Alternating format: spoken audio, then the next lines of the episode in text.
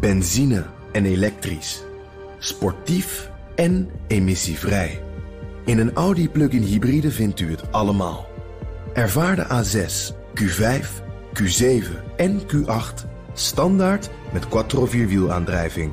Wat u ook zoekt, u vindt het in een Audi. Audi. Voorsprong door techniek.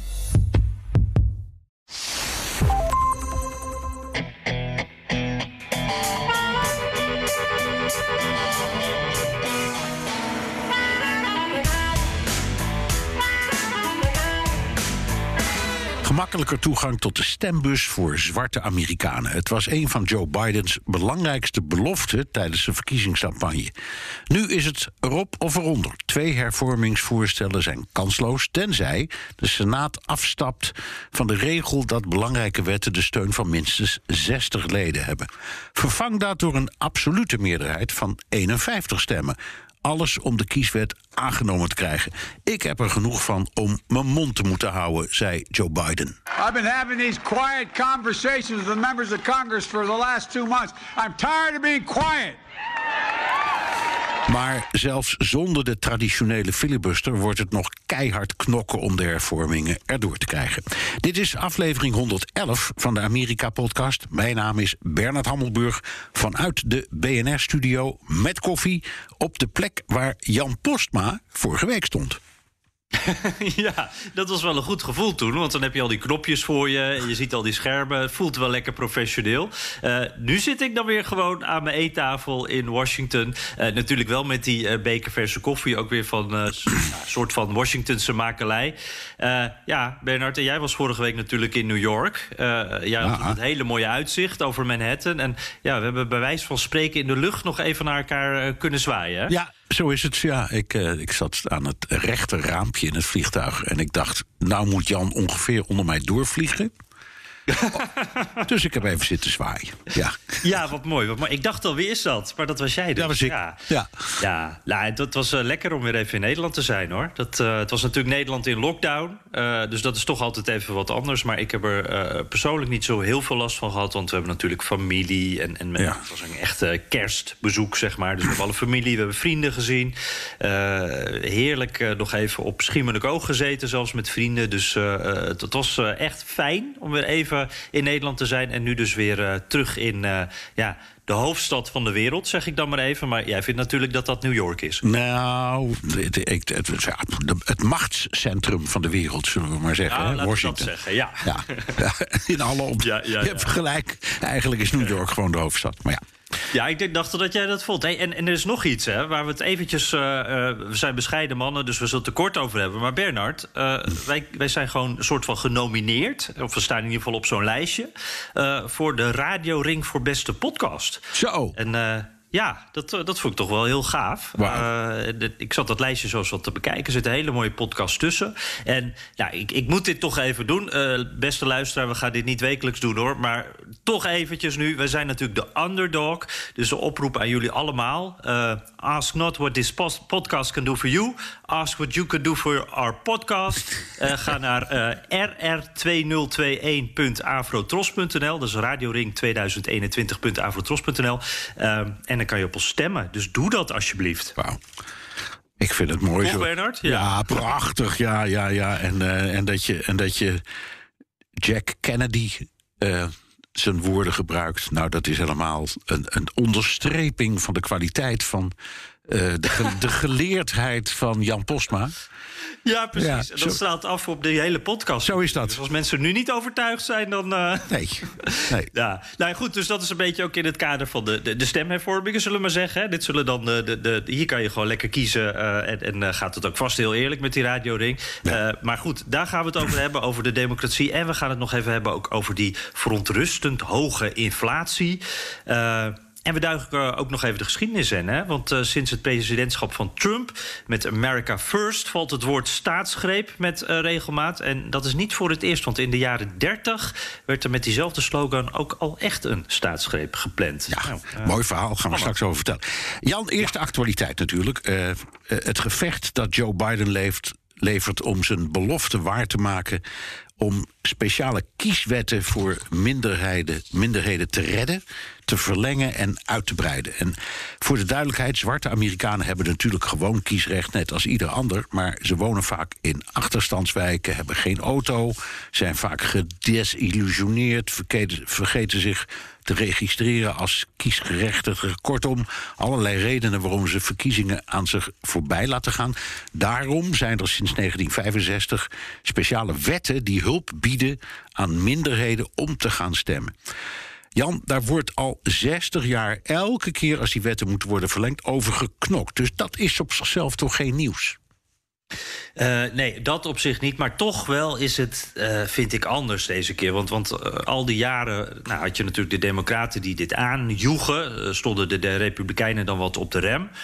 dat is een heel bekend, bekende reflexen van beide kanten eigenlijk. Maar nu gebeuren er echt een paar dingen tegelijk die het echt anders maken. En, en in de eerste plaats ehm, hebben we nu natuurlijk de ontwikkelingen in uh, verschillende republikeinse staten. Het, is nu in, in 19 staten eigenlijk dat precies het omgekeerde gebeurt van uh, wat je net omschrijft. Uh, in plaats van meer mensen naar de stembus proberen te krijgen, is het eigenlijk erop gericht om minder mensen te laten stemmen. Door het moeilijker te maken. Dus minder stembureaus, niet meer stemmen met de post. wat natuurlijk bij de laatste verkiezingen heel groot gebruikt werd vanwege corona.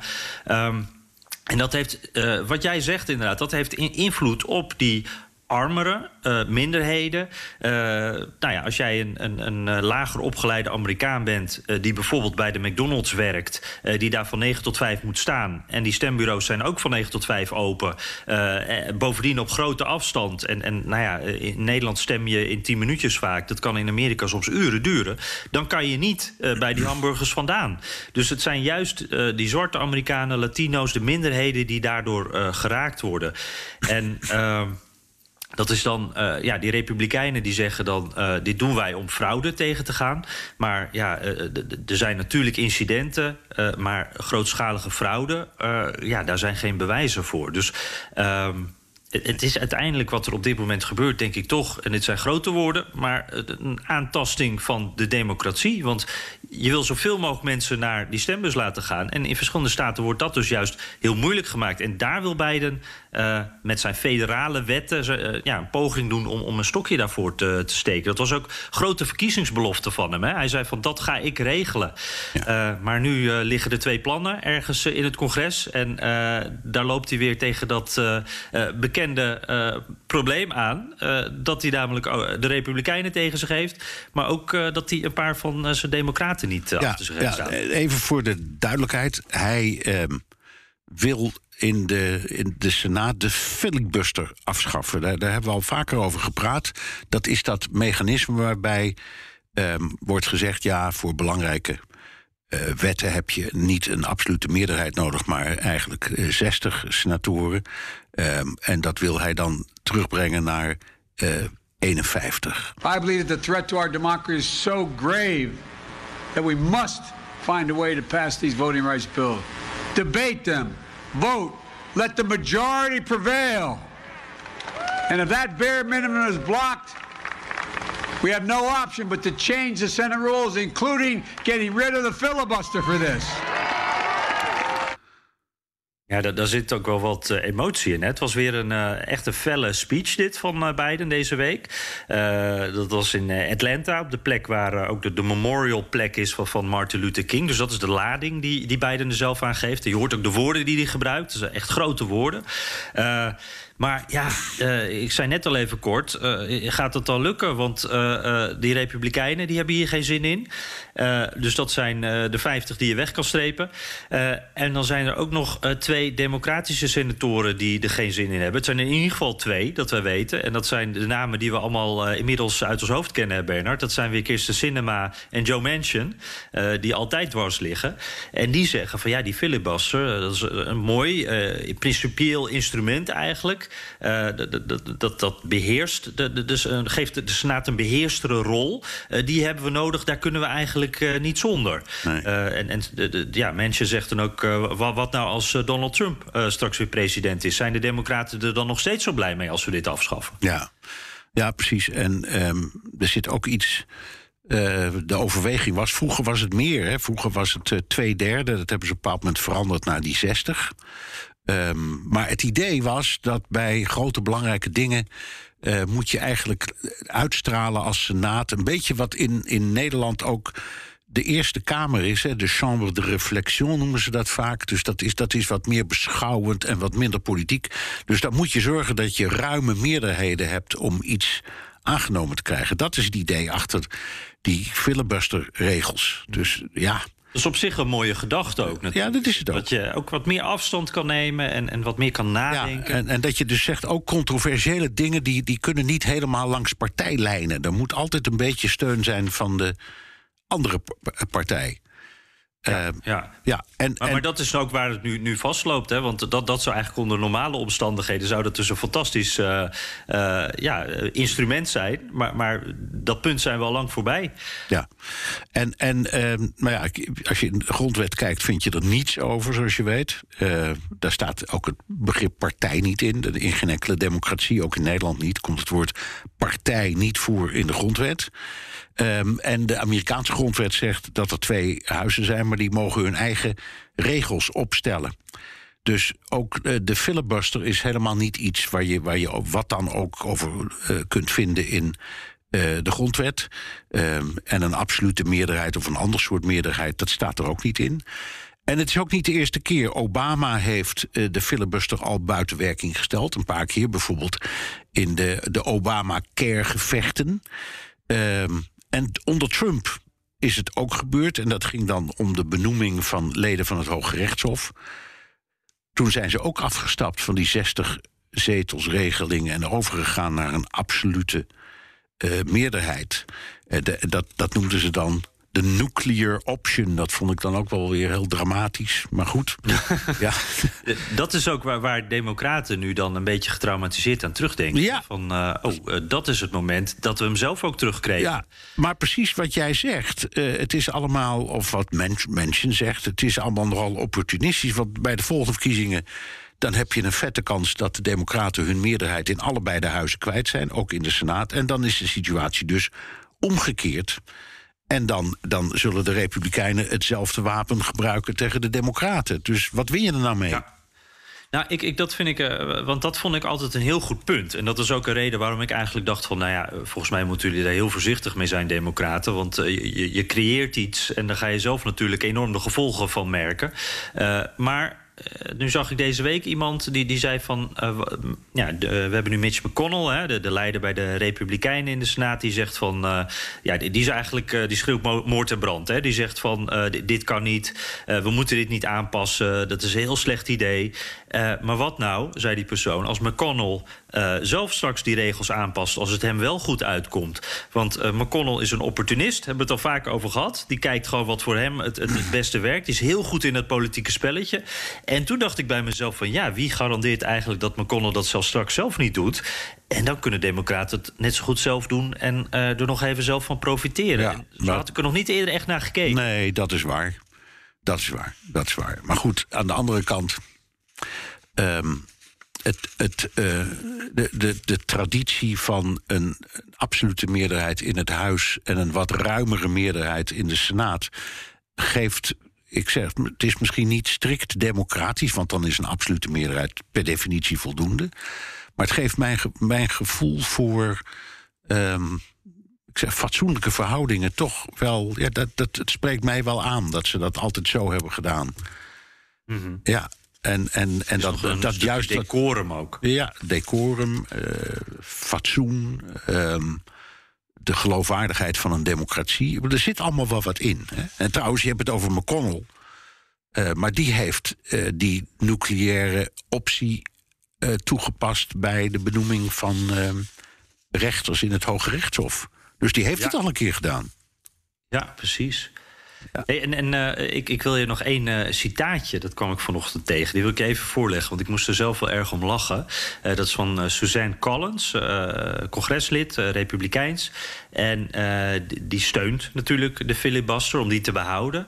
En die waarschuwt voor de situatie waar we in zouden komen als hij wordt afgeschaft. Ze zegt: We are now on the brink of heading down the dangerous road, a slippery slope toward a tyranny of the majority. Dat vond ik wel een hele mooie. De tirannie, ja, van, de van de minderheid. Ja, van de meerderheid. Meerderheid. Minder, Ja, ja, dat- meer, dat is ook zo. Een democratie. Er is één, één opvatting, hè, die hoor je vaak, dat een echte democratie rekening houdt met minderheden. Eh, dus Mhm. de, de minderheid mag je niet negeren in een, in een fatsoenlijke democratie.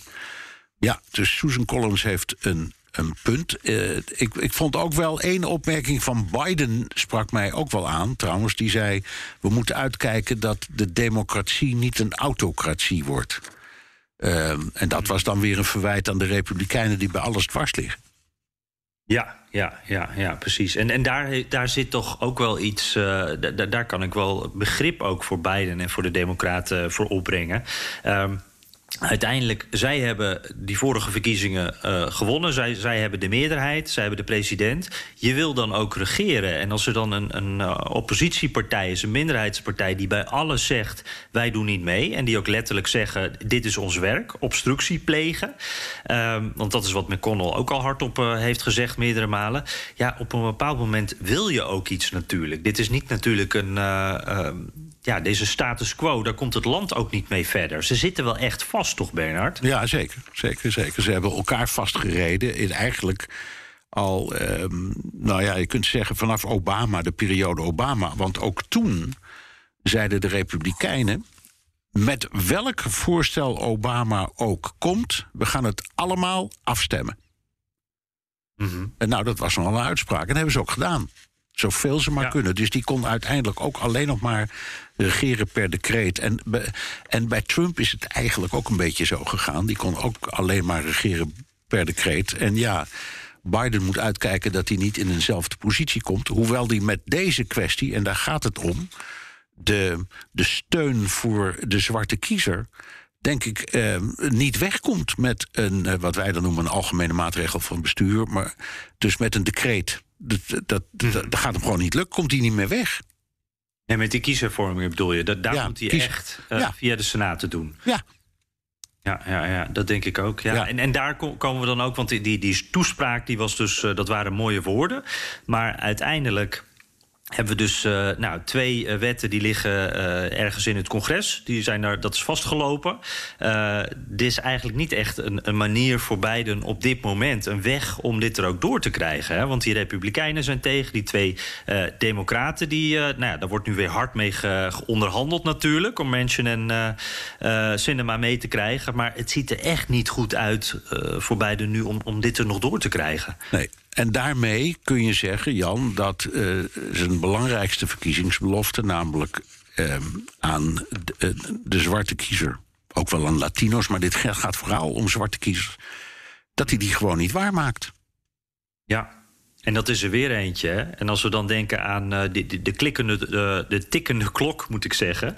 Eh, november zijn eh, congresverkiezingen. Eh, ja, ik snap dat Biden. eh, denk je dat. eh, ik, ik had het gevoel dat hier ook een beetje PR in zat. Dat Biden wilde laten zien: ik ben hier echt wel mee bezig, jongens. Ik probeer het wel.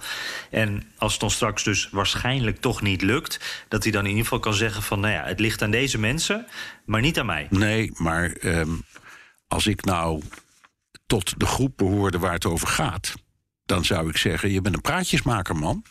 Je bent de verkiezingen mee ingegaan. Ik heb daarom op je gestemd. En we zijn een jaar later. En eh, wat, heb je eigenlijk, eh, wat heb je eigenlijk bereikt? Ja, ja. En eh, zo zijn er verschillende onderwerpen waardoor verschillende delen van, het electoraat dat kan zeggen. Ja, maar je hoort ook, in, je, je hoort ook in, je hoort in zwarte kringen ook die kritiek, hè? Dus hij krijgt niet echt heel veel bijval uit de groep waar het om gaat. Nee, en, en dat is ook iets, eh, dat, zag je ook bij die speech. Hè? Dat eh, Stacey Abram, hebben we het in het verleden ook wel over gehad. Hè? Dat is echt eh, in Georgia een, een heel populair, nou ja, bijna Obama-achtig populair politicus daar. Die wil ook weer gouverneur worden. En uh, dat was nou iemand die zou je dan verwachten dat hij in Atlanta dan bij die speech zou zijn. Maar die was er niet bij. Uh, werd gezegd, uh, nou, we hadden gewoon even niet goed onze agenda's bij elkaar gelegd. Maar ik moet zeggen. ja, wie het, wie, wie het gelooft mag zijn vinger opsteken. ja. ja, precies. Ja. Nee, dus dat geloofde helemaal niemand. En er waren ook verschillende actiegroepen die zeiden van ja, wacht eventjes. Joe Biden, jij hebt in de campagne beloofd dat jij dit zou regelen. We zijn nu een jaar verder dit is waarmee je komt met een paar mooie woorden, maar je hebt nog steeds geen manier gevonden om het te regelen. Wij komen ook niet. Uh, dus daar zit echt wel heel veel vrevel. En dat snap ik ook wel bij ja. die Democraten. Want dit was weer zo'n belofte van Biden. Uh, de, de, ja, wat je van tevoren weet, dat wordt heel moeilijk. Maar hij beloofde het wel. En dan moet je het ook gewoon waarmaken. Ja. Nou. Geen, uh, geen prettige ontwikkeling zo vlak voor het einde van zijn eerste jaar als president. En nog meer uh, tegenslag, uh, Jan, voor Biden, inflatie. Nou, nou kun je zeggen dat is niet alleen zijn probleem, want het speelt in de hele geïndustrialiseerde wereld. Maar 7% hoger, die inflatie, is wel heel veel. En dus wordt de Federal Reserve, de centrale bank, nerveus. En dus dreigt er een renteverhoging. En dus zakt de beurs in. Merk je daar nou veel van, Jan, van die, uh, die toenemende inflatie? Nou, ik, uh, ik moet zeggen dat we wel. Um, nou, net terug uit Nederland. Dan merk je sowieso dat de prijzen wel enorm verschillen. Uh, wat je hier in een supermarkt, hier in Amerika, in een supermarkt betaalt voor boodschappen. dat is echt astronomisch. Ja, dat is ongelooflijk. Met, uh, ja. ja, dat, dat snap je niet, toch? Nee. Dat dat zo'n groot verschil is. Ja, ik, ik, ga, ik ga in New York bij de, in de lokale supermarkt even uh, wat te eten halen, zou ik maar zeggen. Boodschappen doen voor één maaltijd voor twee mensen. Dus uh, misschien met een flesje frisdrank of een flesje wijn erbij. Ik noem maar iets, maar heel simpel. En ik geef zo 60, 70 dollar uit. 80 dollar ja. soms. Het gewoon om ja. één keer thuis te eten met z'n tweeën. Ja, precies. Ja. En dan snap je ook weer beter waarom zoveel mensen naar uh, fastfood grijpen. Want uh, ja, daar valt qua prijs niet tegen te concurreren. Het, nee. is, echt, uh, het is echt heel duur. Maar goed, 7% inflatie. Ja. Wat, wat zie je, hoe, in wat voor prijzen zie je het terug? Nou ja, dat, dat is, er was een Washington Post-journalist... die had dat heel mooi op een rijtje gezet. En die had benzine, die staat bovenaan. En dat is natuurlijk een heel belangrijke in dit land. 49,6% duurder. Ja, dat is echt uh, ja. gigantisch natuurlijk. Nou, dat, uh, dat, dat, dat, dat, dat is overal, hè, met benzine. Ja. In Nederland betaal Zeker. je ook uh, meer dan 2 euro voor een liter. In, Amerika is het precies de helft, heb ik uitgerekend. dus, dus, ja, dus je bent nee. nog altijd spekkoper, vriend. Ja, nee, dat is waar. Dat, daar hadden we het, ik zei ook uh, tegen Barbara we, we, van de uh, tanken... dat doe ik nog altijd veel liever in Amerika. Want dat, dat, dat uh, tellertje gaat wel heel erg snel. Angstaanjagend snel in Nederland. Ja. dat merk je dan wel weer. Maar ook bijvoorbeeld gebruikte auto's. Die zijn bijna 40% duurder geworden. Ook door het chiptekort. Hè. Ja. huurauto's geldt hetzelfde voor 36%. Hotels 27%. steak Af en toe wil je toch even een lekker uh, biefstukje eten. 21 procent. Uh, bacon bijna 20 procent. Uh, nou, ik kan nog even zo doorgaan. Alles. kip is 10 procent duurder. Vis ook. Ham. restaurants zijn 6 procent duurder geworden. het is gewoon... je merkt het gewoon dus op, op allerlei vlakken. het is echt niet alleen dat wanneer je, je, je auto tankt dat je het merkt. Het wordt hier gewoon allemaal steeds duurder. Ja. En, uh, en dat is natuurlijk wel iets. We hebben het net over die kieswetten, uh, uh, die natuurlijk heel belangrijk zijn. Maar ik denk uh, dat uh, de, de, gemiddelde Amerikaan niet meteen denkt van... hé, hey, kieswetten, de, daarvoor stap ik nou nu naar de stembus. en dit is dus wel echt zo'n onderwerp wat ze in de portemonnee voelen... en waar ze echt boos van worden. Nou en of. En je moet onmiddellijk denken aan Jimmy Carter... Um, die zijn herverkiezing heeft verloren. Dat, dat kwam natuurlijk door een heleboel dingen. Dat kwam door het Iraanse gijzelingsdrama. Uh, het kwam door uh, toch nog wel, denk ik, heel erg de uitwerking van het recente verleden toen in Vietnam. Allerlei emoties die speelden. Maar uh, een enorme vijand was ook de enorme inflatie. Dat, dat was voor heel veel mensen, precies zoals jij het uh, omschrijft... heel veel mensen die mopperden en die zeiden... onder deze president zijn de prijzen zo krankzinnig uh, gestegen. En dan, dan zei je, ja, maar dan kan die president niet alleen helpen. Maar dan zeiden de mensen, ja, dat kan wel wezen... maar het gebeurt nu en ik ga echt niet meer op die man stemmen. Ja, dus het is, het is, voor het wonderlijks, hè?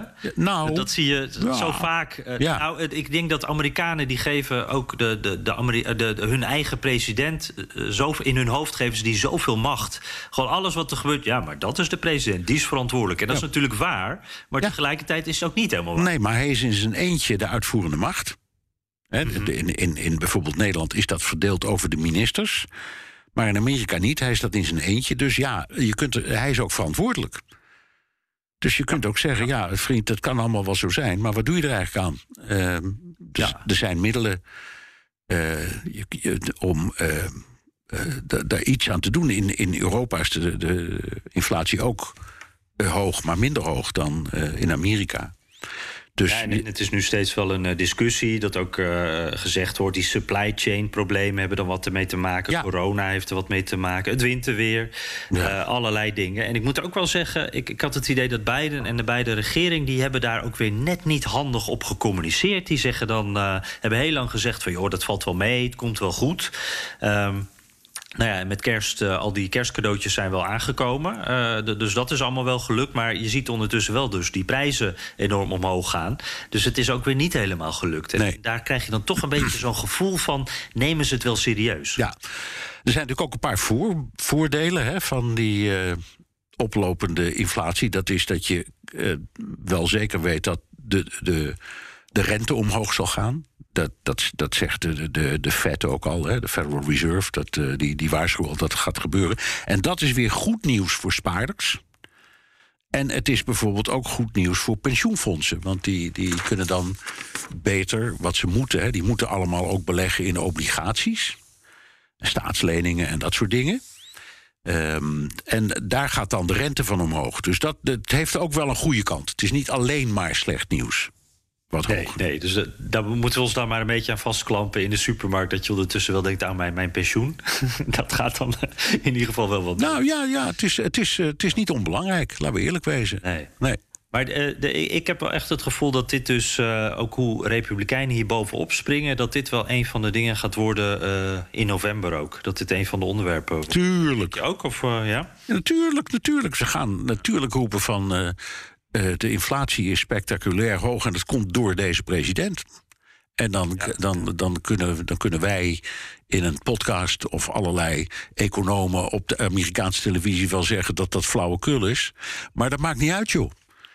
Het is, het is zo precies zoals u zei. Het, is, het wordt op hem persoonlijk, uh, spiegelt het af. Je moet het optellen bij alle andere problemen die hij heeft. Dus ja, hij krijgt het daar moeilijk mee. Ja, wat stuurde jij? Jij stuurde, stuurde laatst iets door. Uh, wat was dat ook weer? Bidenflation was geloof ik de term. Hè? Ja, ja Bidenflation. Dat was een, um, een, een, uh, een, een term. Dat is een van, uh, van mijn vaste luisteraars, zal ik maar zeggen. Van de extreem Trumpistische varia variant. een meneer in, in Wisconsin, waar ik uh, vaak contact mee heb, heb. En die stuurde mij uh, dat, die, die kreet door. Die kwam dan uit, uit een van die rechtse media die hij leest en altijd aanbeveelt. Bidenflation. Nou, ja. Nou, als, als, dat op, als dat op de grote spandoeken komt te staan, dan heeft hij een probleem, onze Joe. Ja, precies. Want ja. Uh, die beide vlees, toen jij dat zo noemde, dacht ik, oh, toch eens even zoeken. En ik kom het inderdaad toch wel heel veel tegen. En uh, we hebben ook al de stickers bij de, de benzinepomp. Met een uh, Biden die wijst naar de prijs. En daar staat dan bij I did this. Ja. Nou, ik denk dat de Bidenflation bumperstickers ook niet ver weg zijn. Nee, zo is het. Hey, uh, ja, moeten we eventjes uh, uh, onze blikkers wat verder naar het uh, verleden richten, Bernard? Want nou ja, in alles wat we bespreken, ook deze aflevering weer, draait het ook om die enorme polarisatie. Alles is politiek, het draait om spijkerharde confrontaties, eigenlijk in de hele samenleving. Uh, we hebben ook wel uh, gezien, ook in de loop van deze podcast, dat het uh, sinds het Trump-tijdperk erger is geworden. Hè, dreigende burgeroorlog, staatsgreep, dat soort dingen. kijken we natuurlijk naar de hoorzittingen over de bestorming van het Capitool, 6 januari vorig jaar. Maar uh, het is niet de eerste keer. Uh, jij vond iets in uh, de Britse krant The Guardian. Een echt een fascinerend en, en ook een spannend en een herkenbaar en een mooi verhaal over iets waar ik eigenlijk nog nooit zo van gehoord had. De mislukte staatsgreep in 1933. En daar zaten enorme parallellen ook in met Ja, heden. ja, fantastisch verhaal. Dat, Franklin Roosevelt die was toen net gekozen. En dit speelde in, op de top van wat toen heette de depressie. Hè? Dus die enorme. De beurskracht van 1929 en daarna die enorme malaise die door de hele wereld is getrokken en ook Amerika. En eh, Roosevelt werd gekozen op een plan om daar revolutionair in te grijpen. En dat heette de New Deal. Met allerlei dingen. Dus eh, de invoering van AOW. Ehm, zodat mensen eh, zeker wisten dat ze als ze ouder waren niet zouden verhongeren. Ehm, het, depositogarantiestelsel dat wij in Nederland denk ik pas een jaar of tien hebben, dat heeft hij toen al ingevoerd. Zodat mensen niet voortdurend naar de bank holden om hun centen eraf te halen. Ehm, allerlei sociale voorzieningen die hij heeft bedacht. Ehm, en dat, eh, dat leidde tot een ongelofelijke oproer eh, in, in, onder de conservatieve elite. Dus eh, zeg maar de, de, de, de, de rechtse deftige mensen. Die Ja, hadden want, een, want FDR heeft eigenlijk de- hele rol van de overheid op dat moment veranderd. Hè? Dat, was eigenlijk niet zo. Nee, De grote de o- rol voor de overheid. Ja, dus hij heeft het allemaal naartoe. En, en die, die, ik zou maar zeggen, die, de, de rechtse elite. ehm, die zeiden: ja, die man is een communist. En, en dan kom je meteen op de eerste overeenkomst Ja. met nu. Want in de hele strijd tussen Biden en, en eh, Trump en de aanhangers van Trump hoor je dat ook voortdurend. Biden Ja. is een communist of een socialist. Daar moet je je van distancieren. Ja, dus En- on-Amerikaans. On-Amerikaans. Het was toen precies zo. En toen kwam er een groep van prominenten. die sympathiseerden met eh, eh, Hitler en Mussolini. Zoals Henry Ford, Charles Lindbergh. maar ook eh, de prominente bankier J.P. Morgan Jr. Ehm, Ford van de Ford-fabrieken was donateur van Hitler. Morgan financierde Mussolini met een lening van 100 miljoen dollar. Dat toen al moet je nagaan wat dat nu zou zijn geweest. ja. En, en nou komt meteen de tweede parallel. Hun lijfspreuk was America First. Waar hebben we die eerder gehoord, Jan? ja, precies. Het beter goed gejat dan eh, slecht bedacht, zullen we maar zeggen. Ja, en- en- het- ja ik, ik vond het vooral. ehm, ik had wel eens gehoord over Ford, natuurlijk, heel duidelijk. Hè? Maar ik, eh, ik had ook wel eens gehoord dat die Hitler eh, had, dat hij daar geld naartoe had gestuurd. Maar dat ook eh, zo'n Morgan dat deed met Mussolini voor zoveel geld ook. Ik, ik wist dat echt niet. Nee. En eh, nou, dat verhaal wordt alleen maar spannender. Want eh, ze waren echt bezig met de staatsgreep. Eh, die, die Morgan, de, de erfgenamen van DuPont. Robert Clark van, de Singer naaimachines. Wat toen ook een gigantisch bedrijf was. De CEO's van onder andere General Motors, General Foods. die financierden een koep van de zogenaamde Liberty League. Eh 30 miljoen. Eh, ging het om. En da- daar werden dan eh, ook gratis wapens van, van Remington eh, aangeleverd. Er was een privéleger van 500.000 man in de planning. En nou ja, die zouden dus Roosevelt moeten afzetten. Er, er zou een fascistische dictatuur voor in de plaats komen. En dat, dat ging allemaal de geschiedenis in als de, de Wall Street Putsch.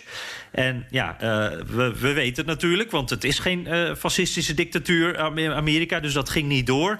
Eh, en dat was omdat een van de koeplegers met de plannen naar J. Edgar Hoover stapte, de, baas van de FBI. Ja.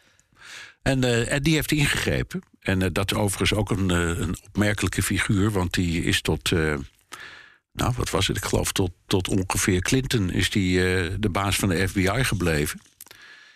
Of misschien Bush, dat weet, ik- niet meer. Maar in ieder geval heel lang. Dus de- en, en, eh, maar die heeft toen ingegrepen en inderdaad die koep voorkomen. Eh, er is toen ook een onderzoekscommissie gekomen in het congres. Ehm, en de historici zijn het er niet helemaal over eens hoe groot de dreiging nou echt is geweest.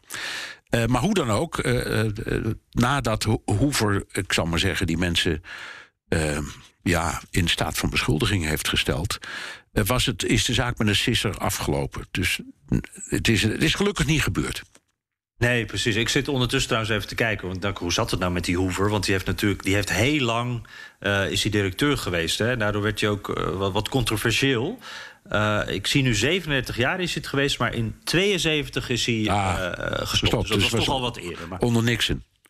ja, Ja, ja, ja. Maar, Maar goed, ik weet dat elke president, elke president deed in zijn broek voor die man.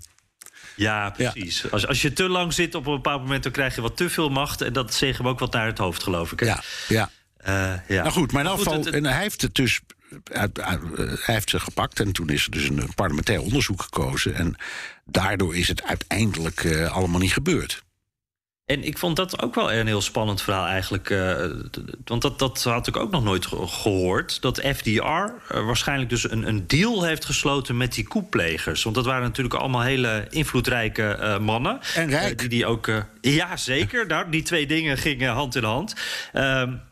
Dus het schijnt dus dat FDR tegen die, eh, ja, die elite heeft gezegd: van nou, als ik nou alle rechtbanken, eh, alle rechtszaken seponeer, eh, willen jullie dan die New Deal steun, steunen? Of in ieder geval niet protesteren? En ook een beetje financiële hulp daarbij. En daar zit ook wel een interessante vergelijking met het heden natuurlijk. Want FDR die, die, die pakte zijn vijanden zo in. Ehm, en Joe Biden, die het in eerste instantie nou ja, misschien met, met nog een beetje lieve woorden heeft geprobeerd. Die, die gaat juist een hele andere kant op. Want die heeft natuurlijk 6 januari een koepoging genoemd. Eh, de speech van deze week was ook een verlengde op die speech van vo- vorige week. Waarin hij ook al echt heel hard eh, tekeer ging. Onder andere tegen Trump. Eh, dus Biden heeft hier een hele andere toon in dan FDR toen. Ja, ja. Had je eigenlijk moeten teruglezen. Want zou dat nou, dat denk ik nou, je zegt dat nou zo. Zou dat zijn gelukt als Biden eh, een toenadering had gedaan tot de, de Trumpisten? Of Ja. ja, gewoon gezegd, jongens. eh, Ja, ja, ja. Eh, De, de ja was een, een vragende ja. Van goede vraag. ja, ja, ja, ja, precies. Ik, nou goed, maar dat is in feite wat FDR dus heeft gedaan. Die is overgestoken naar de vijand en zegt: jongens, kunnen we een deeltje sluiten? Ja, maar ja, ja, dus dan had eigenlijk, eigenlijk zeg je dan van... eh, dan had eh, Biden ook een deeltje moeten sluiten met Trump, met... De, Nou, ik weet niet met Trump zelf, dat weet ik niet. Maar in ieder geval wel met de, de, zeggen, de financiële en, en invloedrijke elite achter Trump. Ja. Dat, die had hij misschien kunnen. Ja. Ik doe maar wat. Nou, goed. Hey, Ja. Jan. Je, je zou kunnen zeggen, als het onderzoek als dat klaar is na 6 januari... en daar komen bepaalde namen uit... dan is, zou dat, dat, is dat moment nog niet voorbij misschien om dat te doen. Maar Nee, het zou, nog, het zou kunnen. Weet- Jan, zullen we om met andere tijden te spreken... terugkeren naar het heden? Ja. Ja, precies. Wat zit er allemaal in de brievenbus? Ja, ja, ja, ja. Even kijken hoor. Eh, oh ja, er was nog één dingetje trouwens. Ik uh, toch nog even terug. Het was van, uh, dat stuk was van Sally Denton. En die heeft er ook een boek over geschreven. Plots je bedoelt, je bedoelt de artikel in The Guardian? Ja, ja, ja, ja, precies. Heel goed dat je dat zegt. Dus want dat, uh, want ja. wij, wij hebben het allemaal maar gepikt, hè? eerlijk is eerlijk. We ja, hebben het precies. gewoon in de krant gelezen. Ja. Maar het is, uh, als er nog eens een boek is en ik heb nog dat ik kan toevoegen aan mijn lijst, dan is deze het wel hoor. Want het is echt een nou, super spannend verhaal. Uh, en jou, jij had ons alweer even terug naar het nu gebracht met ja. de lezersvragen. En we beginnen met John van Driel, uh, die als Amerikaan slash Nederlander, hij zegt jawel, dual nationaliteit, voel ik mij Nederlander met een bijzondere affiniteit met de States. Ja, daar zit je er een beetje aan beide kanten bij. Hè? Ja. Um, hij zegt, ik probeer de waanzin te begrijpen dat mijn geboorteland bezighoudt. Uh, en uh, hij zegt van, nou ja, daar kunnen alle informatiebronnen bij helpen. Graag verwijs ik naar een van de eye-openers uh, voor mij. Een ouder boek, Stupid White Man, van Michael Moore. De luis in de politieke pels van de Amerikaanse politiek. Hij was het die voorspelde dat Trump wel zou winnen in 2016. Ja. Dat uh, ja. hebben we een tijdje niet meer echt wat van gehoord. Nee, dat klopt. Michael Moore heeft gelijk. Hij was. Uh, hij was een, hij heeft in, ik heb dat boek gelezen, maar hij was ook. Hij voorspelde inderdaad die overwinning, maar ja, ik ook. Dus uh, hij, hij, hij, was niet de enige, zou ik maar zeggen. Nee, nee, precies. Nee. En uh, nou ja, jij ziet er in ieder geval nog wat verzorgder uit dan Michael Moore. Dus op dat punt, uh, de, de gelijkenis houdt wel op bij die voorspelling, toch? Ja, maar ik denk, ik, ik denk dat als je de bankrekeningen verwijt, vergelijkt dat Moore toch er net even wat beter uitkomt. Ja, die wint dan toch wel weer. Ja. ja. Je hoeft niet altijd zo'n viezig petje op. Maar ik vind wel al trouwens, want ik doe nu wat lullig over Michael Moore... maar uh, die man die heeft echt een, een neusje daarvoor. Hè? Zoals Trump daar een neus voor heeft, voor, voor populisme... heeft Michael Moore dat ook. Dus dat ja. is wel een, een uh, interessante man. En uh, ja, ik heb dit boek niet gelezen, maar vond je het een goed boek? Ja, absoluut. Ja, ja zoals, zoals ik zijn films ook goed vind... Ja. Uh, en ik heb er wel allerlei kritiek op. En ik weet dat hij allerlei dingen manipuleert om het voor elkaar te krijgen. Maar uh, uh, dus om, die film, om mensen dingen te laten zeggen in die films en zo. En toch zijn ze goed. En dat vind ik van het boek ook. Ik vind het gewoon, ja, hij is, hij, het is een belangrijke bijdrage die hij levert aan uh, de werking van de democratie. Dat kan je niet ontkennen. Mm -hmm. Ja, ja, en hij heeft een duidelijke agenda, maar daar is hij ook duidelijk over. Ja, daar is hij ook eerlijk, eerlijk ja, over. Ja, zeker. Ja. ja, het is een hele radicale ja, man. Maar ja. Ja, nou, in ieder geval wel dank voor deze. Weet je nog, dat schiet me nog te binnen. Zijn eerste film heette Roger and Me. Herinner je dat? En uh, was dat over de ziektekosten? Nee, dat was de directeur van General Motors. En hij komt uit. Oh, hij ja, komt, hij uit komt Flint. uit. Hij komt, ja, hij komt dus Oh. uit Detroit. En hij Ja. vond dat, eh, dat. Nee, niet General Motors, Ford. De direc- directie van Ford. Directeur Ford. En hij vond dat Ford een, een, een, eh, een buitengewoon eh, asociaal beleid voerde. Dus hij wilde een gesprek voeren met de directeur van Ford. En eh, dat was Roger. En eh, Ja. die hele film gaat alleen maar over pogingen om Roger te spreken te krijgen. dat vind ik een gouden idee. Echt, Ja, ook journalistiek, echt een goud idee. Ja, dus eh, sindsdien. Kan, die, kan Michael Moore eigenlijk bij mij niet meer stuk. Nee, precies. Nee, ja, hij, is, hij heeft lef, hij is origineel. Ja, Ja. zeker. En dat, die, die, want die film, dat is echt eh, begin jaren negentig of zo. Dat is echt al lang geleden. Ja, Maar is lang geleden. Een soort, eh, Ja. ja. Nou, anyhow. Maar John, hartelijk dank. En, en ook goed om weer eventjes... Ik ga ook eens even zoeken wat Michael Moore op dit moment eigenlijk doet. Daar ben ik wel benieuwd naar. Milan Peil, eh, die zegt, eh, door mijn recente verhuizing is mijn woon-werkverkeer Apeldoorn-Arnhem wat toegenomen. Nou, dan kan hij mooi naar ons eh, luisteren. En hij heeft dan ook gevraagd, rechters, zoals jullie hebben uitgelegd, zijn in de VS veel meer dan bij ons in Nederland scheidsrechters. Uiteraard kun je de geest van de wet politiek kleuren, maar de letter niet. Hoeveel invloed heeft het dan van welke partij, democraat of republikein je bent? Of ben ik hier eh, te naïef? Dus dat is de eerste vraag. Hij vraagt zich eigenlijk af, die rechters moeten zich ook in dat juridische eh, nou ja, eh, kader moeten zich bewegen. Dus hoeveel kan je dan nog je politieke kleur laten zien? Nou, in, in alle eerlijkheid, in de meeste rechtszaken speelt politiek geen rol. Want als strafzaken zijn, ja, dan gaat het over dingen als eh, moord en doodslag of, of, of geweldsmisdrijven, ik noem maar wat. Eh, en als het civiele zaken zijn, ja, dan is het de ene persoon die van de andere vindt dat hij tekort is gedaan en geld wil, of ge- genoegdoening of compensatie of dat soort zaken. Dus het is niet zo dat de politiek een enorme rol speelt in de rechtbank, in het algemeen. En dat, dat is wel zo als er politieke kwesties spelen, maar voor een gemiddelde rechter is dat helemaal niet zo. Dus speelt het een beetje een rol? Misschien wel, maar ik, ik moet eerlijk zeggen, in de praktijk, ik ben veel in rechtbanken geweest in de loop van de jaren. En dan heb ik niet het idee van ik zit hier naar een democrat of naar een republikein te luisteren. Nou, wa- wat je dan in Nederland, eh, dan zeggen de populistische partijen wel eens van... eh, nou, het zijn D66-rechters, Ja, dat is de, niet zwaar de, genoeg. de Wildersstelling. Hè? Ja, precies. Ja. Is dat ook iets wat je eh, in, in Amerika zou kunnen zeggen... dat er bepaalde democratische eh, rechters zijn... die misschien wat zwa- minder zwaar straffen? Is daar nog iets over te zeggen? Nee, nee, nee, nee dat, dat is niet zo. Maar het is wel, je kunt het wel zien in eh, zeggen, politieke kwesties die naar rechtbanken gaan. Laten we zeggen, als voorbeeld, het onderzoek naar de financiën van Trump. Dat, dat is terechtgekomen in, eh, bij een federale rechter, die zijn dus niet gekozen. Maar aangewezen een federale recht, rechtbank in New York. En dat zijn democratische aanklagers en democratische rechters. En daar zie je wel degelijk de invloed. Dus dat, dat geef ik toe. Maar voor een gewone rechtbank, eh, als, als jij of ik worden beschuldigd van een of ander misdrijf. of we worden aangeklaagd door iemand anders in een civiele zaak. Dan merk je daar niks van. Hey, en hij heeft nog een eh, andere interessante vraag, een beetje in hetzelfde eh stramien eigenlijk. Hij zegt van. De Republikeinen die, die zijn nu eh, tactisch positie aan het kiezen als het gaat om eh, de verkiezingen. Eh, maar, dus hij heeft het er een beetje over van nou ja, hoe, hoe de Republikeinen proberen bijvoorbeeld hoofdstemmenteller te worden in bepaalde sta- staten en zo. Nou, ook die verkiezingsuitslag misschien een beetje kunnen in hun voordeel uit kunnen laten vallen. En hij zegt dan van ja, maar wat kunnen we daar uiteindelijk van verwachten? Want daar zijn toch ook regels. Hoe, hoe kunnen ze nou daar uitslagen gaan beïnvloeden? Dus ook weer daar, daar is toch een soort kader, daar zijn regels. Eh, ja, hoe kan dat dan? Ja, nou, zij draaien het om, hè. De Republikeinen zeggen, die smerige democraten... die hebben altijd eh, ge- geprobeerd om de zaak te vervalsen. En daarom willen wij graag voorzitter zijn van die telcommissies.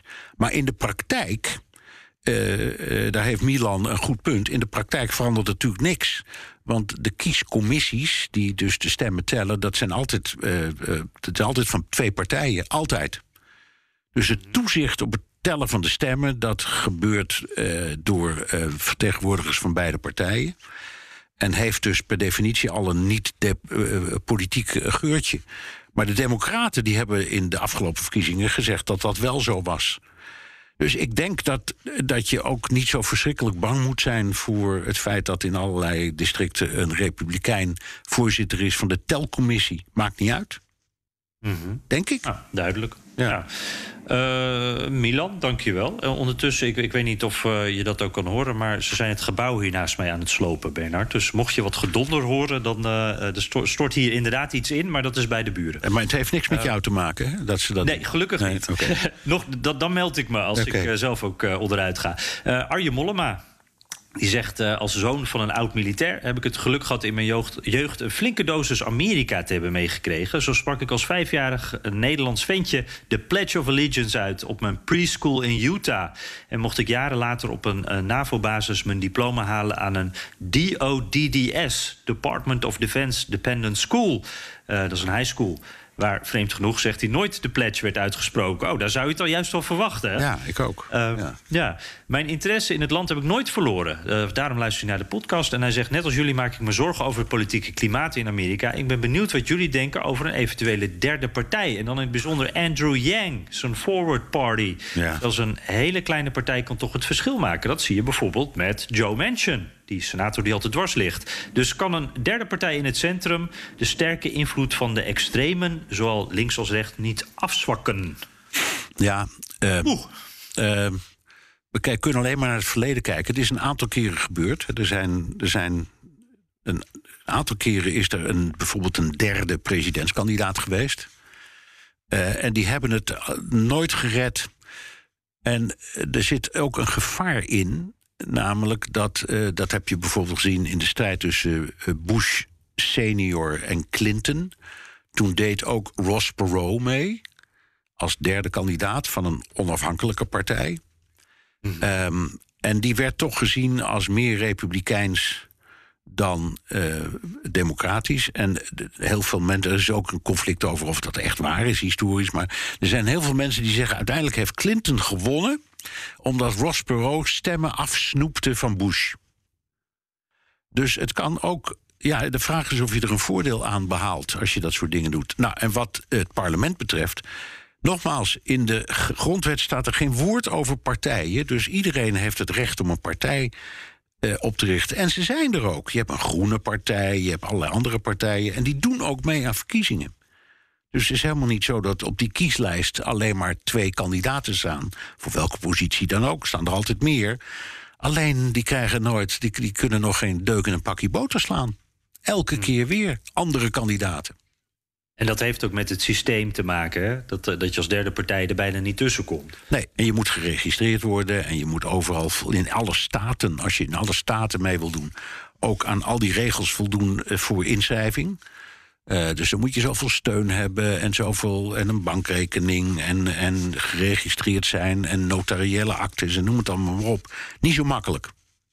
Nee, nee, precies. Hoogdrempel. Oké, okay, dank Arjen. Uh, die heeft ook nog een uh, luistertip trouwens. Had ik nog nooit van gehoord. Breaking Points with Crystal en Sagar. Een dagelijkse podcast uh, ook over Amerikaanse politiek. Dus nou, mooie aanvulling. Opzoeken, want ik heb hem ook niet gehoord. Ja. Ken hem niet. Nee, precies. Nee.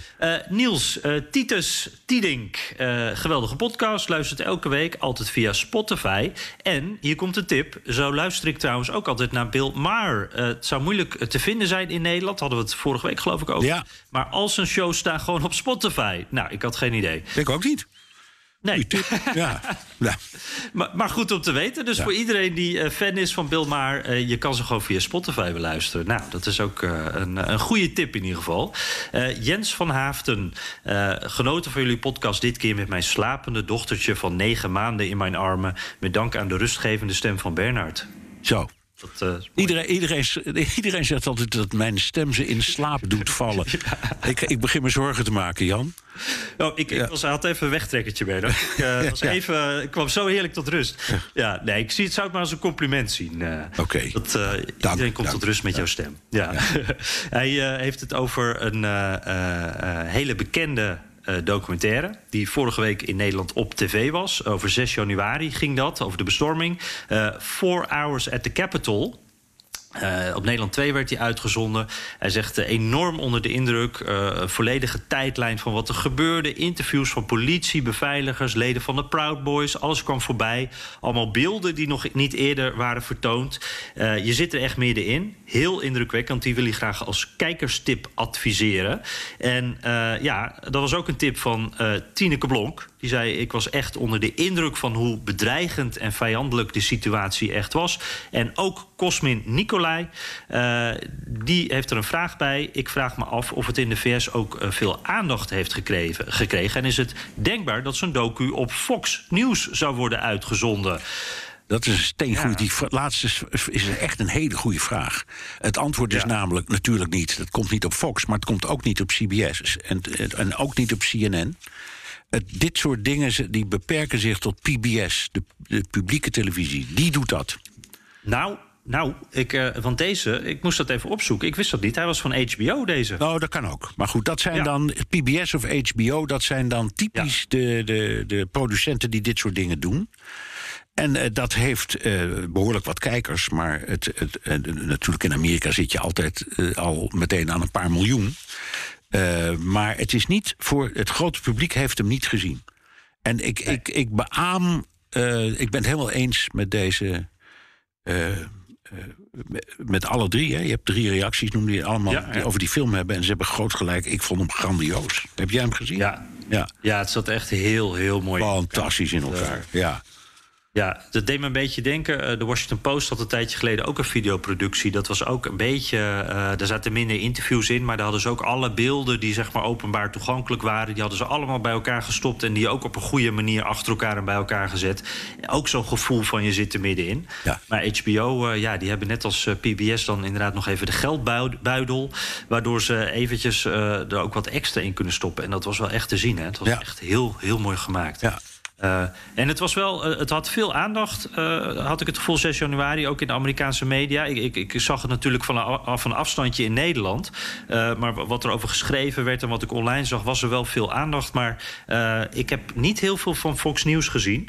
Nee, maar het is, het was, dit is typisch iets, laat ik zeggen, om maar even de critici te citeren. Dit was typisch een mainstream media verhaal. Ja. Dus, dus de, de grote menigte die je eigenlijk zou willen bereiken. om te laten zien van: kijk, jongens, dit is wat er echt is gebeurd. Dus wees nou niet zo naïef. Die heb, hebben ze hier niet mee bereikt. Nee, dat is eigenlijk een beetje het uh, gebruikelijke ja. verhaaltje. Ja. Uh, Daniel Jan Smits dan. Die is uh, ingestapt in onze podcast dan tijdens de eerste impeachmentprocedure. Dat voelt al heel lang geleden. Hè? Uh, ja, de, toen waren we ook al aan het podcasten. Zeker. en uh, hij komt nu even terug op aflevering 103. daarin bespreken jullie de bekoelde relatie tussen Kamala Harris en Joe Biden. En spreken jullie van een president-vicepresidentsduo dat niet goed werkt. Maar, uh, Mike Pence en Donald Trump leken daarentegen een veel betere balans te hebben. Ik ben benieuwd naar andere interessante combinaties tussen president en vicepresident die wellicht nog slechter presteerden of elkaar misschien juist wel naadloos aanvulden. Wat, wat waren noemenswaardige duo's? Ja, Leuke vraag. Leuke vraag. Uh, nou ja, ik zeg de, de, de meest absurde was natuurlijk Roosevelt en Truman. Truman, ja. Want die spraken helemaal niet met elkaar. En uh, Truman wist ook helemaal niets van wat er omging. Het bekende verhaal dat toen hij het roer moest overnemen... vlak voor het einde van de Tweede Wereldoorlog... Uh, toen wist hij helemaal niet dat er aan gewerkt werd aan een atoombom. Uh, en uh, die heeft hij zelf laten afwerpen, nog maar een paar maanden later, in Japan. Twee. Dus de, die, die wist echt van toeten nog blazen. Dat wil zeggen, hij was een hele verstandige man. Of in elk geval een, een interessante president. Maar we wisten helemaal niets van, van wat Roosevelt allemaal deed in, in die ovale kamer. Ja. Geen idee. Er was nergens bij betrokken. Ja. En zo- in die tijd dat er zoveel geva- gevaarlijke onderwerpen waren. ja, ja. maar goed, dat waren mensen, ze kenden elkaar nauwelijks. En die, die Truman die was politiek ingerold via allerlei dubieuze ehm, eh, mensen in het Middenwesten. En Roosevelt wilde daar helemaal niets mee te maken hebben. Ehm, en, maar dan heb je daar tegenover staat bijvoorbeeld ehm, het duo eh, Clinton en Gore.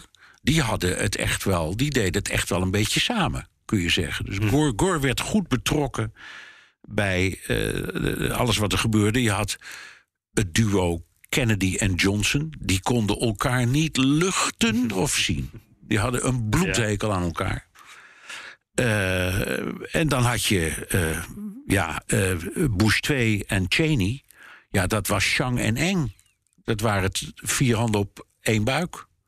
Dus het, er zijn voorbeelden van beide. En, die, En met, met die laatste twee ook een beetje de vraag wie dan echt de baas was. Ja, dat hing daar altijd wel wat boven. Ja, nou, Ch- Cheney was de ziel, denk ik, van het duo. Maar Bush was echt wel de baas. Dat kan ook niet anders, want het is nou weer helemaal staat, staatskundig zo. Maar Cheney was echt eh, het brein ook achter de hele filosofie van die, die, die neoliberale eh, filosofie van het, het, de, de, ja, de Newcons en, en die, eh, die enorme. Ja, zeggen de, de, de man die die oorlogen wilde beginnen. In, in, in Afghanistan en Irak. Dat is- kwam allemaal uit, uit, uit, uit het bolletje van Cheney. Is hij misschien wel de, de, is hij de invloedrijkste vicepresident van in de moderne geschiedenis? ik denk het wel. Ik denk het wel. En ik ben het oneens met de vergelijking met Pence en Trump. Want volgens mij hadden die ook niets met elkaar. En eh, dat het de schijn had van eh, harmonie, dat lag echt alleen maar aan Pence. Die altijd heel keurig eh, in elke toespraak eh 300 keer zei: Thanks to eh, the President of the United States.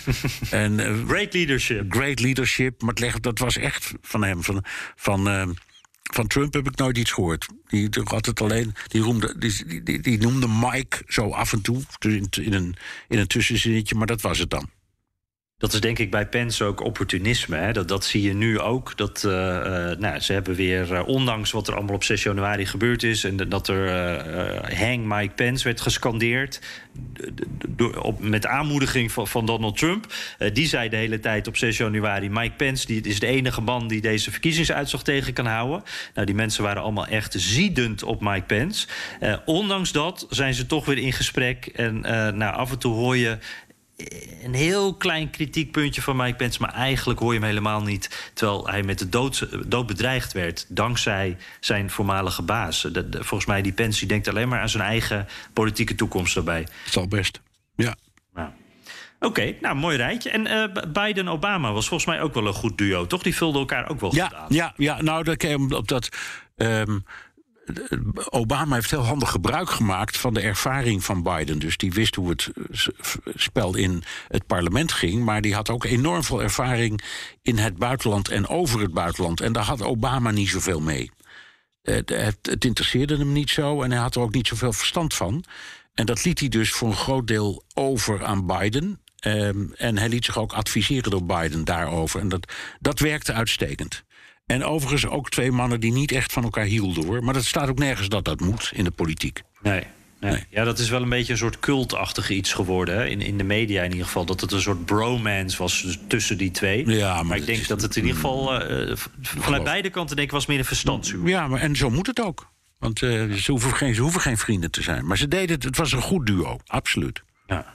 Ja. Ja, wel leuk om... eh, Een goede vraag. Dat eh, maakt heel veel los, eh, merk ik meteen. Er zijn heel veel voorbeelden bij Ja. verzinnen. Dus dat zeker leuk.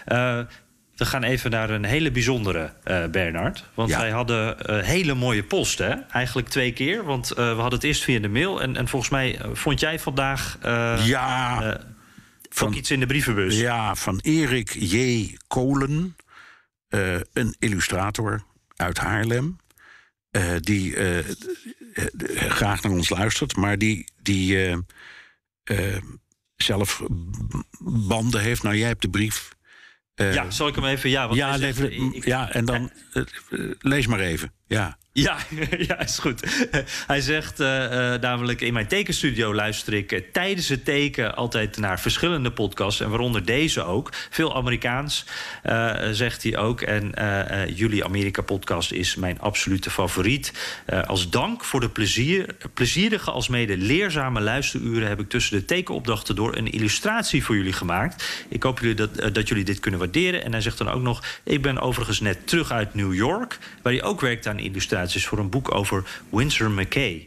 Mijn favoriete Amerikaanse illustrator. hij heeft dan ook nog een dochter zitten die in uh, uh, New York uh, studeert. Dus, of zij studeerde, moet ik zeggen. Ze, ze, woont daar nog. Dus een duidelijke band met Amerika. En, en mooi beeld hoor. Ik zie hem dan zo voor me zitten aan zijn tekentafel terwijl wij opstaan. Misschien nu wel. Ja. dat zou leuk zijn. En wat bij de post zat, dat zag er wel heel mooi uit. Nou, dat, dat wil ik dus even zeggen. Ik heb het ook uh, op de redactie bij BNR. En Wesley zit hier uh, mee te luisteren, dus die kan dat beamen. Ja, onze technicus, onze technicus en alles. Ik heb, ik heb ja. het aan technici laten zien, een paar andere collega's. Een, een, hij heeft dus een, ja, een cartoon gemaakt, maar echt schitterend. Daar staan jij op en ik. En, en, en Trump en Biden en het vrijheidsbeeld met een mondkapje voor. En allemaal uh, twee koppen koffie. Twee koppen koffie, bekers koffie. Dus het, is, het, is, het, het ziet er prachtig uit. En hij heeft er dus twee exemplaren van opgestuurd, gesigneerd. En uh, ik stuurde jou straks al een, uh, een appie. Ik ga ze dus allebei laten inlijsten. En, en zorg dus dat er eentje bij jou terechtkomt. Want deze moet boven jouw eettafel hangen zodat elke keer als we de podcast doen, dat je dan daarna kunt kijken. En zo ga ik het ook doen. Ja. Ja, zeker. Ik, het is zo bijzonder. Het is echt, uh, het is nou, echt iets heel bijzonders. natuurlijk. Maar dat, we, dat we zo blij zijn met de luisteraarspost. En, en af en toe zit er zo'n pareltje tussen. En dit, uh, Erik, uh, dit is echt fantastisch. Ik, ik kan alleen maar zeggen, Erik, we zijn heel dankbaar. fijn dat je zo enthousiast bent. Maar op deze manier, dat, dat hebben we nog niet eerder meegemaakt. Nee, en uh, nou, ik, ik zal hem ook even op eh, Twitter delen voor onze luisteraars. Dan kunnen jullie ook allemaal zien uh, hoe mooi het geworden is en waarom we hier zo lyrisch over zijn. En uh, Erik, ik, we gaan je ook zeker nog even een berichtje sturen. Dat was nog niet van gekomen, maar dat gaan we zeker even doen. We zoeken contact. Want zo'n trouwe luisteraar, daar moeten we natuurlijk ook eventjes persoonlijk ons bedankje heen sturen. Echt heel, heel gaaf. Ja. Um, is dat een mooie om het dan ook maar mee af te ronden voor ja. deze week, Bernard? Ja, laten we dat doen, Jan. Uh, we zijn toch alweer een uur aan het babbelen, jij en ik. Ja, ja, ja, ja. en anders houden we nooit op. Nee, nee, blijft wel veel post liggen, hè? Maar goed, we hebben... Ja, ja, excuus daarvoor weer. Want er zat weer echt een hele hoop leuke dingen tussen. En we hebben natuurlijk de neiging om, als we dan ook iets te pakken hebben... dan uh, gaan we er echt uh, veel te lang over. Ja, maar het waren dus, ook fantastisch. Ja. echt heel, er zijn geweldig goede vragen bij. Joh. Dat, ik ben altijd... Ja, ja. oké, Jan, heb je nog recensies? ja, die waren er ook nog. en die waren allemaal positief deze week. Dus ik heb hier Gelukkig. blijheid gelezen. Ja. je weet het nooit, je weet nee. het nooit. J. Nijhoff, die zegt geweldige podcast... luistert vanaf het eerste uur. Uh, scherpe, onbevooroordeelde analyses. Uh, prettige chemie, ga zo door. En uh, Bradley Kaart, fijn om naar te luisteren. Ga zo door, mannen. Dus nou ja, dat doen we dan maar. Hè. Terugluisteren kan via de BNR-site, Apple Podcast of Spotify. Heb je vragen, opmerkingen, kritiek of complimenten... dan kan dat ook met een tweet naar Jan Postma USA of BNR De Wereld. Of heel ouderwets met een mailtje naar dewereld.bnr.nl. Ja, en laat uh, zoals altijd ook even weten hoe je naar ons luistert. En waar vinden we altijd heel erg leuk. En ik noem hem toch maar weer eventjes heel voorzichtig, die radioring. Alsjeblieft stem op ons, want het is natuurlijk dus enorm veel podcast geweld... met enorme publiciteitsmachines daarachter. En wij zijn een beetje de underdog daarin. Tenminste, zo zie ik ons. Uh, de enige die ons kunnen helpen daarbij zijn jullie. Dus alsjeblieft stem op ons voor uh, de beste podcast. nou, dan help je ons daar ook weer enorm mee. En voor nu wachten we dat dan maar even eventjes af wat eruit gaat komen. En uh, richten wij ons op volgende week, hè? Ja, tot volgende week. Dag Jan. Tot volgende week, Bernhard.